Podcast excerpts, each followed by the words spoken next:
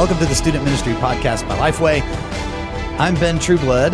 With me is the one and only producer Nathan. What's up? How's it going?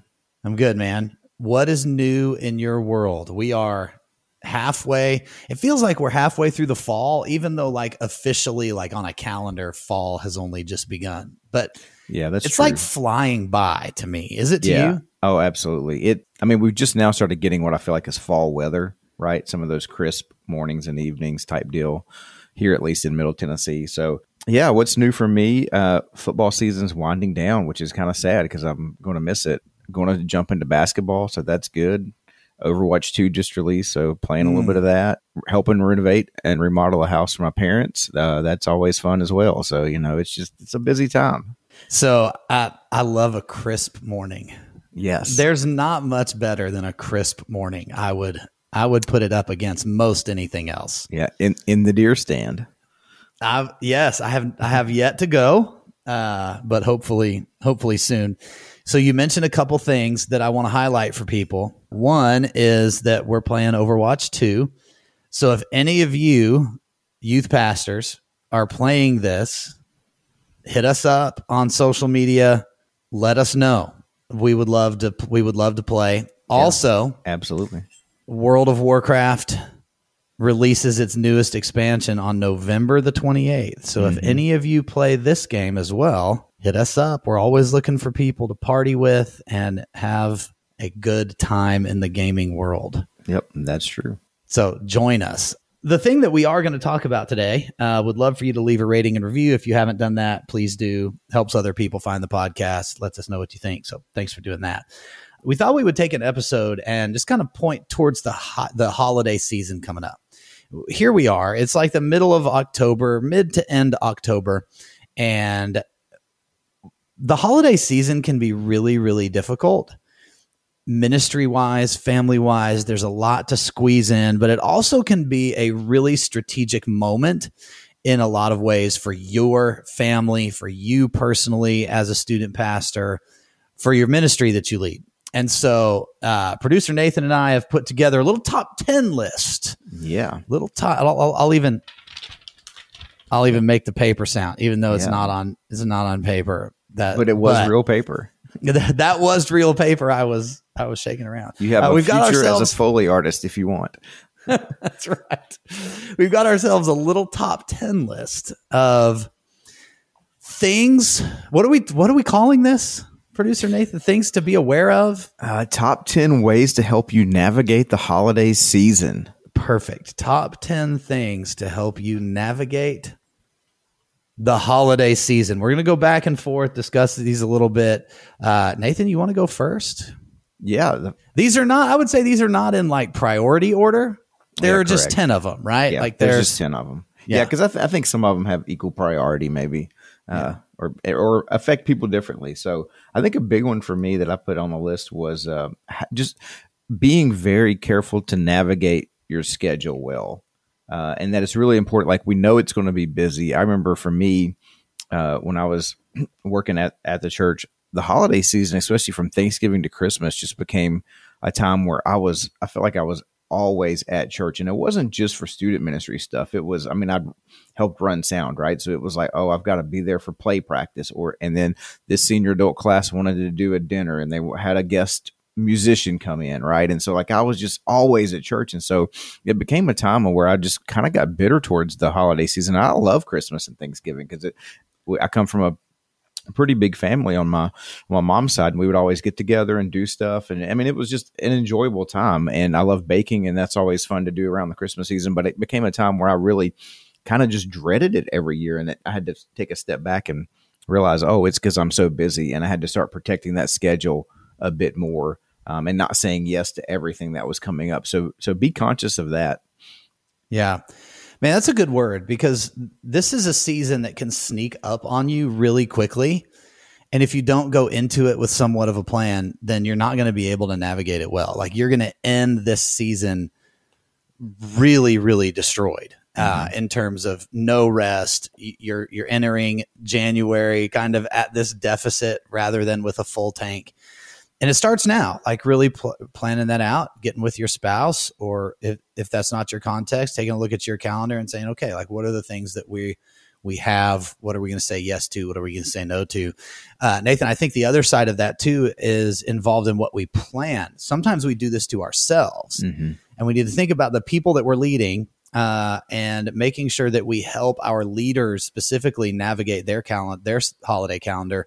If we're putting a bunch of stuff on the ministry calendar that we are mm-hmm. expecting them to be at, we have to realize that they too have families and they too have things that they're trying to accomplish. So we might unintentionally be jamming the calendar and making it really difficult for people to navigate. So, yeah. Uh, while I a couple other th- of these are going to point to things to do with your leaders, th- let's have some balance here and let's not like jam the calendar so full that they can't navigate it. Yeah, because if, if you put two things on the calendar for them and then they've got a couple kids, maybe one in youth and one in kids ministry, and there's two things on the calendar for kids ministry, and then there's two things on the calendar for school, and then all of a sudden it's just the calendar is just jam packed.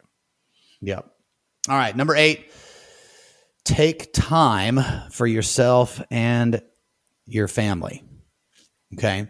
So take time for yourself and your family. As you navigate it, as you plan it out, make sure that this involves you either on your own with family, that you are marking out time for that. Uh, you need this. This is a natural moment for you to take some time with your family and be strategic with that time.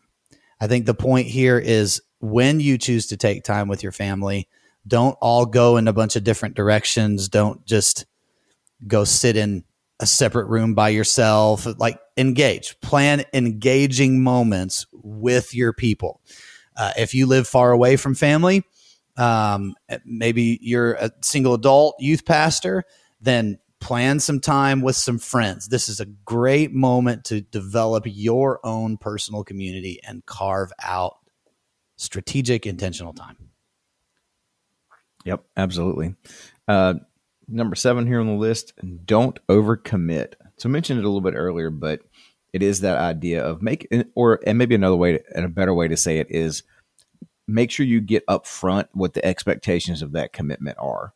So like I use the example of like having to do sound for the Christmas play. Well, it was, hey, the Christmas play is on these two nights. Can you run sound for it? Yeah. And then it's three weeks later, it's hey, we've got Christmas play practice for the next three weeks. We need you to come and do sound for it. And it's like, well, that's vastly different than what I expected to do for just two nights. You know what I mean? And so understanding what is what is the actual expectations of the commitment. So that way you don't find yourself in a situation where you feel overcommitted. And I think that is a very easy way to get burned out. So manage those expectations uh, up front. So unclear expectations create clear frustrations. Ooh, I like that's, that. That's, that's, my line. So that's a been great one. lately. Unclear expectations create clear frustrations. Yes, that's what I led with on my uh, when I was teaching a session about uh, volunteer leadership at Etch. So that's a that is a great line. I love it.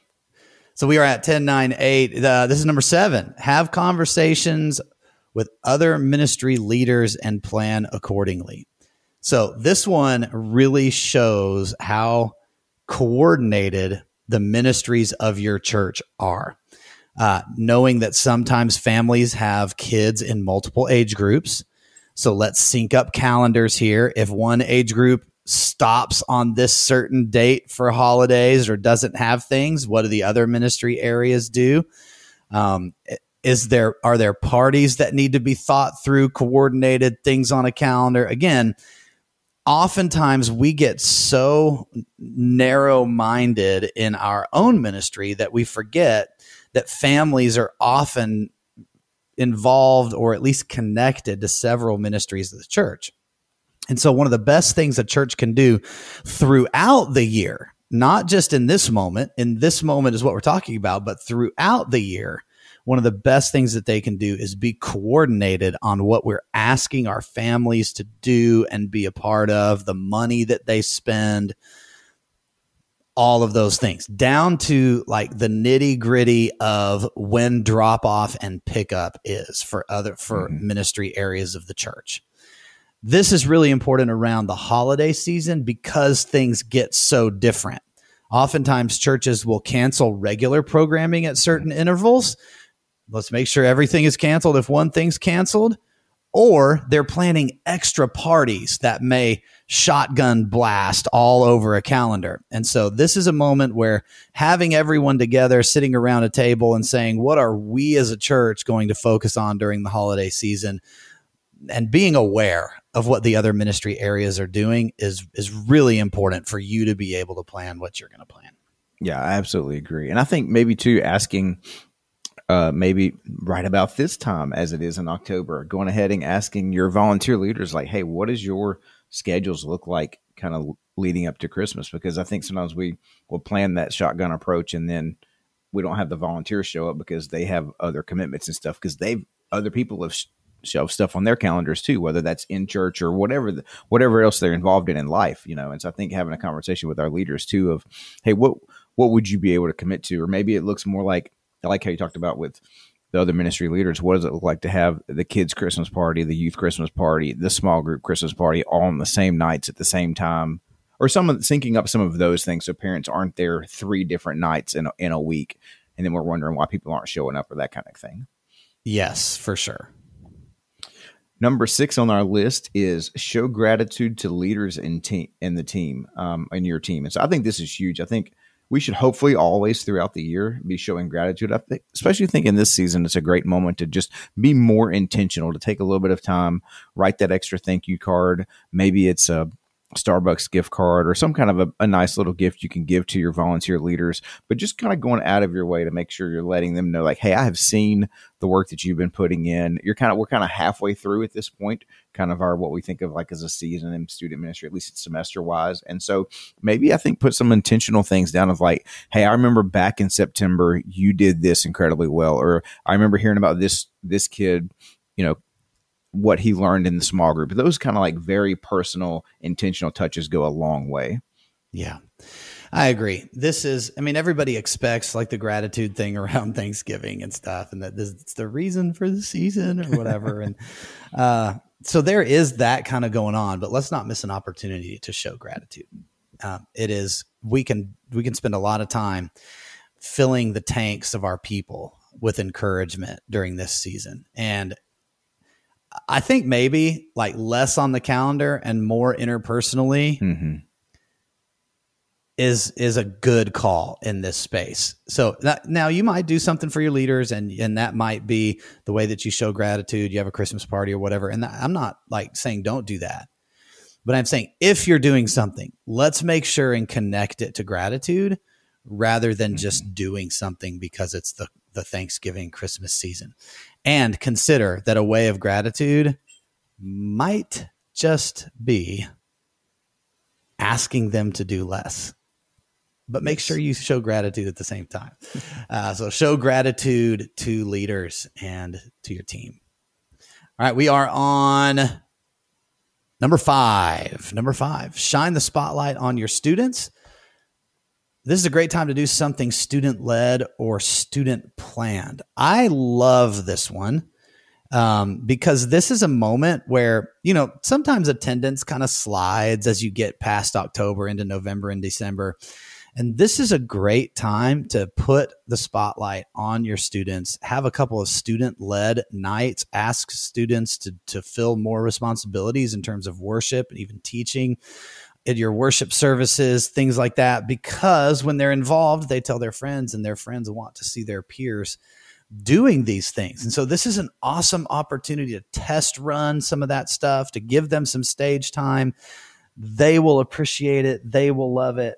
And it kind of matches with this season. This is this is a good thing for you to do if you've been waiting and wondering how do i get more students involved holiday season's a perfect time to do it yeah, and I think that leads into number four here, which is to help find small breaks for your leaders. This is a great way to help kind of give your leaders a little bit of a break. I mean, maybe they're still there coming because you need we still need adults around, but maybe they don't have to take on the full responsibilities that they typically might do week in and week out because we're utilizing some students to do that. But really find some ways that your leaders can get some breaks because they're going to be busy. They're going to feel the, the pressure and the strain of just the holiday season and everything that they have going on in their own lives as well. Yeah, and like if you did a couple Sundays in a row where hey, students lead the small groups instead of the adults. Like the adults are there to help, to to, to cheer on, encourage, but the students are the ones studying for those weeks. That could be a little enough of a break that kind of gives them a little bit of an energy push into the new year. All right, so that was number four. Uh, Nathan snuck it. Nathan snuck it in there. Number four, find small breaks for your leaders. Um, number three, self reflection heading into the new year. Are there things that need that you need to start, stop, or keep doing? Um, so this start, stop, or keep doing is something I do with my team every year uh, at our annual review time. Part of that annual review that I do for uh, for my team. Like I'll be doing one with Nathan here in a few weeks. I always ask my team to tell me things that I need to start doing that I'm not currently doing in my leadership of them. I ask them to tell me things to stop doing where I'm getting in the way uh, or making things more difficult and things that I need to keep doing as their leader. And so it's it's one way that we kind of I gain feedback about my leadership and so, similarly, I think it's a good practice to evaluate your own leadership and where you are personally, health, ministry, all of those things, and just jot a, a, a, some notes down. Are there any things that you need to start doing in the new year? Are there any things you need to stop doing? Are there any things that you need to keep doing in the new year? So this is a helpful practice as you self evaluate, as you take some of the moments over the next two months. There's going to be some downtime. And so take that downtime and use it to really evaluate where you are and try to evaluate yourself kind of holistically. Like, where are you spiritually? What are the practices look like in your life for that? Where are you uh, in your leadership, leading the ministry, and then uh, personally for yourself, maybe exercise or something like that. Start, stop, and keep doing these things. And then, if you can, try to make sure you have some in each of that category so that you enter in the new year kind of with a plan rather than just saying, hey, we're going to keep doing whatever it was we were doing last year. Yeah, I think that's really good. Number two on the list, all the way down to number two, take some time to do something you enjoy by yourself, with friends, or with family, but make sure it's something that you enjoy. So we kind of mentioned in reference to this one, but to put a little bit more focus on it is the holiday season can get busy, but if you're like, man, I just love Christmas lights, then make time to go see the Christmas lights. Or if you like cooking, then make time to. to do you love you, Christmas lights? Is there okay. that you no, enjoy? Not really. I just I'm, I'm out of examples today in Christmas lights, and the only thing I can think of in my head right now. Apparently, I don't mind them, but I'm not like, oh my gosh, you got to go see the Christmas lights. Yeah. So I could see you like at some point in your life getting really into decorating your house. Like you're yeah. you would be the guy in the neighborhood that people are like, man, you got to go see this house at the lights. Yeah, if I was going to do it, I think I'd have to do it at that level. But then I'm like, or I could just not decorate it that much and save the time so, and do something else.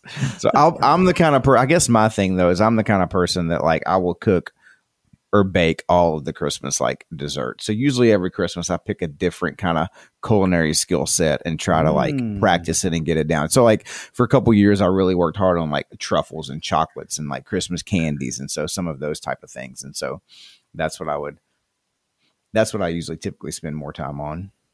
Yeah, have you picked this year's yet? I haven't. I, I'm my latest two things have been I've really got a great hummus recipe now, and I've really got a really good panna cotta, and so I don't know where I want to go. May, cheesecakes, maybe che- this needs mm. to be the mm. year of cheesecake. That's not healthy at all. I'm trying to like you know eat healthier. so. Yeah, well, the baking will definitely take a. You'll take a hit if oh, cheesecake yeah. is the one for this year. Yeah, I, yeah. I don't know. I have to think about that. I like it, uh, man. This one is important. I, I think sometimes we feel guilty about taking time to mm-hmm. enjoy something ourselves, especially in this season, because everything is about family and everything is about like gratitude and being with people and building community. And we've even said some of those things on this podcast uh, already in our in our top ten list. But I cannot encourage you enough to take time to do something you enjoy.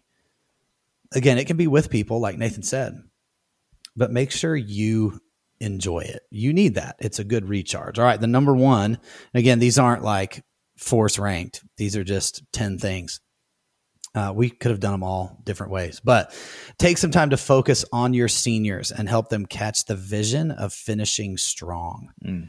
Uh, this one, if you've if you've been doing student ministry for really any time at all for at least one year, then you have seen that second semester is when your seniors start to fall off. They start to become less engaged. They get senioritis in school, and that bleeds over into having senioritis at church. And it, this is just a natural thing that, thing that happens, but it doesn't mean we need to just accept it. And in this moment, in the holiday season, if you can carve out some time to be strategic with your 12th grade students and help them catch the vision for what it's like to finish strong in the last semester of their senior year. I think you can see a really big benefit to that time spent. And I think you can see some really big benefits to the underclassmen seeing that they're staying around and beginning to build that into the culture that we don't leave as seniors too early, but that we're here, we finish strong. Uh, I think many times we just kind of let it happen because we know it's going to happen. They're going to leave, they're going to start to dwindle. But let's take the next two months and carve out a couple of things that we can do specifically with them where you verbally put in front of them, hey, I need you guys to stick with our ministry throughout the year. Maybe give them opportunities to have some more responsibilities and leadership but not just where they would leave. Challenge them directly to stay, and I think that that that would be time well spent in this season. Yeah, I totally agree. I think this is a fantastic idea because, um, like you mentioned, we had, do see a lot of seniors kind of start to check out. So just letting them know that you really are caring for them and focusing on them. Maybe this is a place where some good energy is spent, and maybe we don't spend as much time on some of the other things that I think sometimes feel extra busy in this season. Maybe this is where we really kind of kind of double down our efforts. Yeah. Yeah. So any any last honorable mention outside looking in things that have popped into your mind if we, as we've gone through this or 10 10 and we're just that's it. I think I'm on 10 10. I don't I, can't think of anything else I in my too. head. I am too. It is no way an exhaustive list. So if no. you want to let us know some things that you would add to the list, hit us up on social media as well. We enjoy spending this time with you each and every week. Thanks for listening. This has been another episode of the Student Ministry Podcast, by Lifeway.